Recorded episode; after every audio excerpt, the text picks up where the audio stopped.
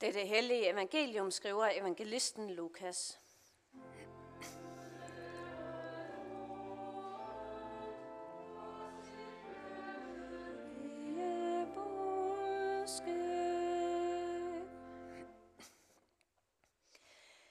En gang var Jesus ved at uddrive en dæmon, som var stum. Da, dome, nej, da dæmonen var faret ud, begyndte den stumme at tale, og folkeskarne undrede sig. Men nogle af dem sagde, det er ved dæmonernes fyrste, Belzebul, at han uddriver dæmonerne. Andre vil sætte ham på prøve og krævede et tegn fra himlen fra af ham. Men da Jesus kendte deres tanker, sagde han til dem, et hvert rige i splid med sig selv lægges øde, og hus falder over hus. Hvis nu også Satan er kommet i splid med sig selv, hvordan kan hans rige så bestå? I siger jo, at jeg uddriver dæmonerne ved Belzebul.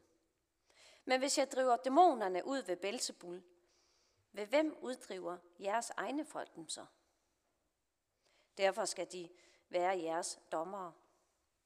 Men hvis det er ved Guds finger, at jeg driver dæmonerne ud, så er Guds rige jo kommet til jer. Når en stærk mand, fuldt bevæbnet, vogter sin gård, kan hans egen dele være i fred. Men kommer der en, der er stærkere og overvinder ham, tager han straks alle de våben, som den anden havde sat sin lid til, og fordeler byttet.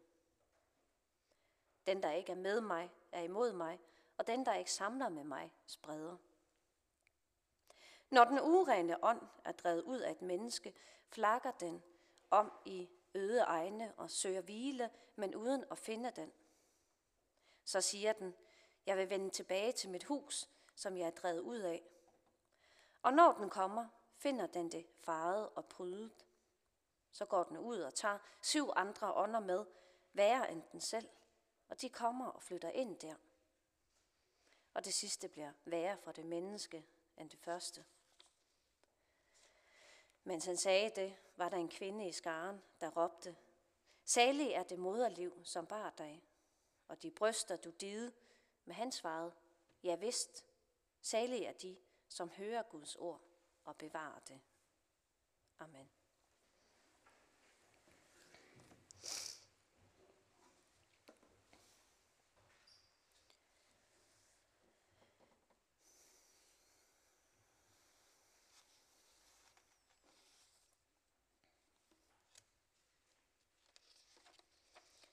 I dagens evangelium så står vi over for et helbredelses under, som lyder. Det starter med, en gang var Jesus ved at uddrive en dæmon, som var stum. Da dæmonen var faret ud, begyndte den stumme at tale. Tale er sølv, tavshed er guld, lyder en talemåde, som betyder, at det samtidig er bedre at tige stille, end at sige noget. Man skal passe på, hvad man siger.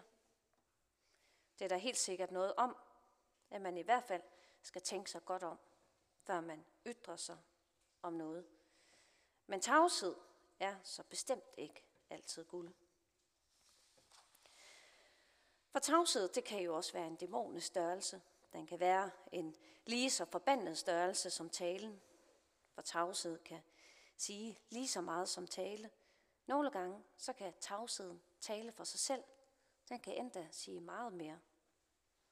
Tavshed kan være lammende og særdeles magtfuld. I kølevandet af tavshed kommer så også utryghed, usikkerhed. Hvorfor siger den anden dog ikke noget? Er der noget galt? For efterhånden mange år siden mødte jeg en mand. Vi blev kærester, og det jeg fik med i købet var, at vores forhold i den første tid var præget af ganske mange og livlige diskussioner. Det var en, set i bagspejlet, ret øh, interessant, men også turbulent tid. Men man kan jo sige, vi var også unge. At vi begge var vædere, jamen det var min kæreste stor overbevisning om, var årsagen til, at vi altid endte i nogle store diskussioner – men det mener jeg nu ikke har noget med sagen at gøre. Men det er helt sikkert, at vi begge to har været lige stedige og ville hellere spolere ting fra hinanden, end at give op i kampens hede om at få ret. Og selv da diskussionerne døde hen, jamen så havde jeg på en eller anden måde følelsen af, at den her kamp er ikke helt vundet endnu. Jeg har ikke fået sat det sidste punktum. Jeg må gøre noget. Og det gjorde jeg så ved at være fuldstændig radiotavs. Jeg sagde ikke et ord. Der kunne være om morgenen, at jeg på en eller anden måde med vilje, altså ikke sagde godmorgen eller tak for mad henover, formen, henover bordet, hvor vi sad og fik en kop kaffe. Og med den tavshed, så, så fik jeg ligesom følelsen af, at ja, men nu er jeg sådan ved at vinde det her. Nu får jeg ligesom trukket det længste strå. For hvad diskussionen så havde handlet om aftenen før, jamen så skabte min tavshed en usikkerhed hos den anden. Et rum, hvor man for enhver pris vil ud af det, fordi nu er det morgen, og nu skal vi ikke fortsætte at være i det her. Og så vidste jeg jo godt, at det var jo blot et spørgsmål om tid, hvornår mine synspunkter ligesom blev trumfet igennem. Og så havde jeg ligesom vundet. Yes, så fik jeg det endelig, som jeg vil have det. Igen, igen. Sådanne stolte øjeblikke har jeg heldigvis ikke så mange af længere. For vi nåede faktisk hurtigt at indse, at vi kørte i et ret så dårligt mønster, som skulle brydes. Og det har betydet, at vi har brugt det, jeg vil kalde tavshedens dæmoni. Givet taletiden tilbage til kærligheden og forståelsen. For ærligt talt ved jeg ikke helt, om vi havde holdt til den dag i dag, hvis vi fortsatte ned ad den meget turbulente sti, og også tavshedens sti, dens manipulerende sti. Men hvad skal der så til for at bryde tavshedens dæmoni? Ja, der skal mod til at gøre det, til at tage sig sammen og tale om det. Der kan være svært at sætte ord på og give det stemme. Men det er ikke desto mindre det, som Jesus her gør. Han går direkte ind i tavsheden og giver livet stemme. Og det er netop det, vi efter fastetiden igen snart skal fejre, når vi om en lille måneds tid, at det bliver påske.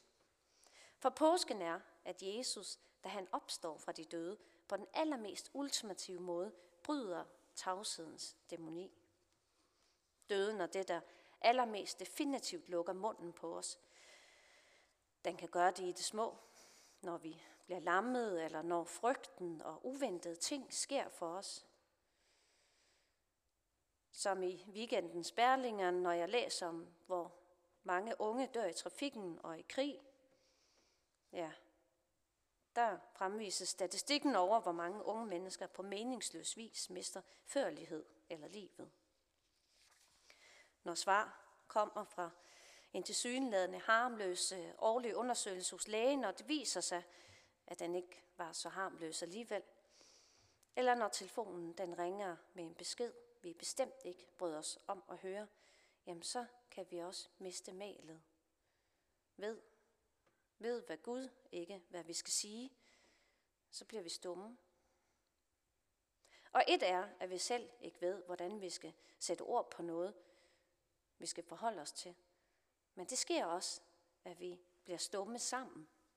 For pludselig er vi sammen om ikke at vide, hvordan vi skal sige noget til hinanden, når livet pludselig tager en drejning. At arbejde med mennesker, især børn, er en velsignelse, men lige bag ved det ser jeg døden hver evig eneste dag. Citat slut. Det er taget ud af en kontekst, en samtale med en veninde, der er læge på børn og onkologisk. Og det har jeg tænkt på. Det er ganske rigtigt, at døden ligger en hånd på os mennesker. Jeg ved, det kommer til at ske, men vi ved ikke, hvornår. Men vi isner os ved tanken om, at i sådan en situationer mister vi også talens brug. Og lige der, hvor meningsløsheden råder allermest, der hvor livet rammer os i al sin gru, der stortrives det dæmoniske. Men net, netop også der har vi ikke brug for at være tavse, men vi har brug for at tale, for der er nogen, der lytter og for nærvær.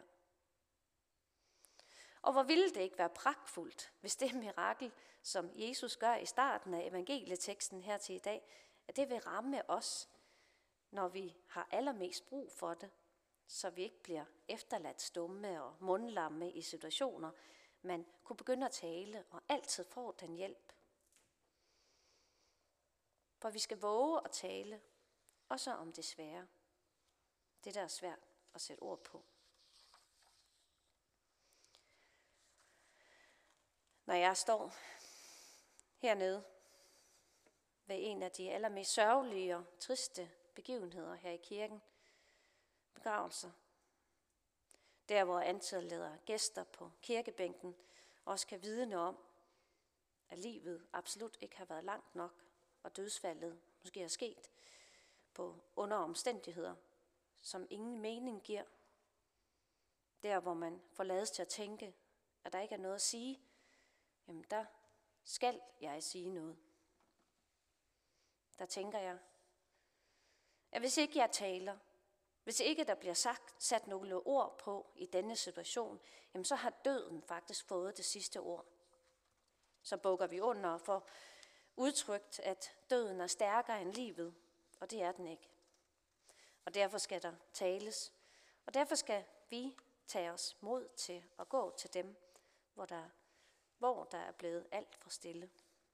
Og vi skal være hos dem, for sådan er vi, er vi med til, at døden ikke får ret og ikke får det sidste ord.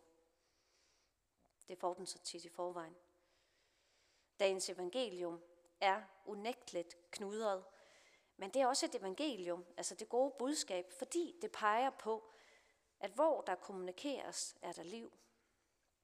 Det er en fortælling om nyskabelse, om et menneske, der får en chance til, for det menneske kan nu tale.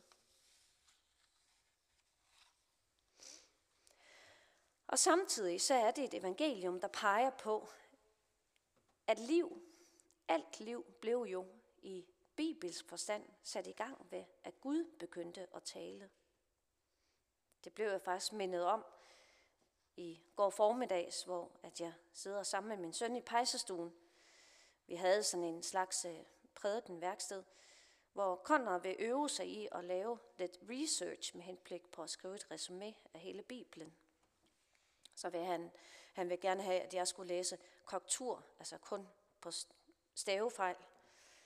Og det gjorde jeg så, og der læste jeg noget, som jeg vil citere her. Sådan skabte Gud verden, kapitel 1. Mange videnskabsmænd mener, at det var det Big Bang, der skabte jordkloden, men det handler denne historie ikke om. Den historie fortæller om, hvordan verden blev skabt, og hvordan det skete ud fra det gamle testamente. I starten var der intet, sikkert kun koldt og sort, men så besluttede Superman, skråstrej Gud, at skabe jorden og alt omkring den. Han fik ideen at skabe jorden, og det allerførste han gjorde var, at han sagde. Citat slut. Ja, det lille bitte ord, talen, at han siger noget. Det er det, som er så stærkt, og måske særligt når man skal læse det gengivet i et barns fortolkning og forståelse – før Gud begyndte at tale, var der ingenting. Der var alt sådan lidt hulter til bulter. Der var ingenting, før Gud begyndte at tale. Jeg forestiller mig det som, at inden Gud begyndte at tale, jamen, så var der sådan en slags dæmonisk tavshed. En tavshed, som Gud faktisk bryder i det, han begynder at tale. Og den brydes af gode ord, af ord, der giver liv. Liv til himmel og jord, med planter, fugle, havdyr, landdyr og mennesker. Og med faren for, at jeg nu har talt så længe, at jeg har talt ordet ihjel, så skal jeg skynde mig at sige, at man også skal våge at give stillheden plads. Men det skal være den gode stillhed, der er båret af tillid og fortrolighed. Tavshed kan være dæmonisk, fordi tavshed er fravalg af kommunikation men stillhed, også mellem flere, kan være en helt anderledes livgivende oplevelse. For stillhed er et tilvalg. Og med det, som jeg lagde ud med at fortælle om egen erfaring med tale og tavshed, og hvad det kan virke, med, at man skal tale sig igennem tavshedens dæmoni tilbage til hinanden, for at undgå den manipulation, fordi relationen var og er båret af kærlighed, og den er så vigtig. Vi skal tale, og så selvom det engang imellem bliver langt i spyttet, vi skal tale, for hvem husker ikke de gode samtaler, hvor man fuldstændig glemmer tid og sted. Men om tale er sølv og tavshed guld, det vil jeg lade være op til jer. Jeg mener nok, at det beror på, en, på selve konteksten. Og vi skal også have i baghovedet Paulus' ord til menigheden i Efesus, som jeg læste fra alderet, om ikke at lade os forføre bag lyset med tomme ord, hvad enten det er vores egne eller andres ord. Men lytte til Guds ord og leve efter det. Og nu siger jeg ikke mere. Lad os alle bede.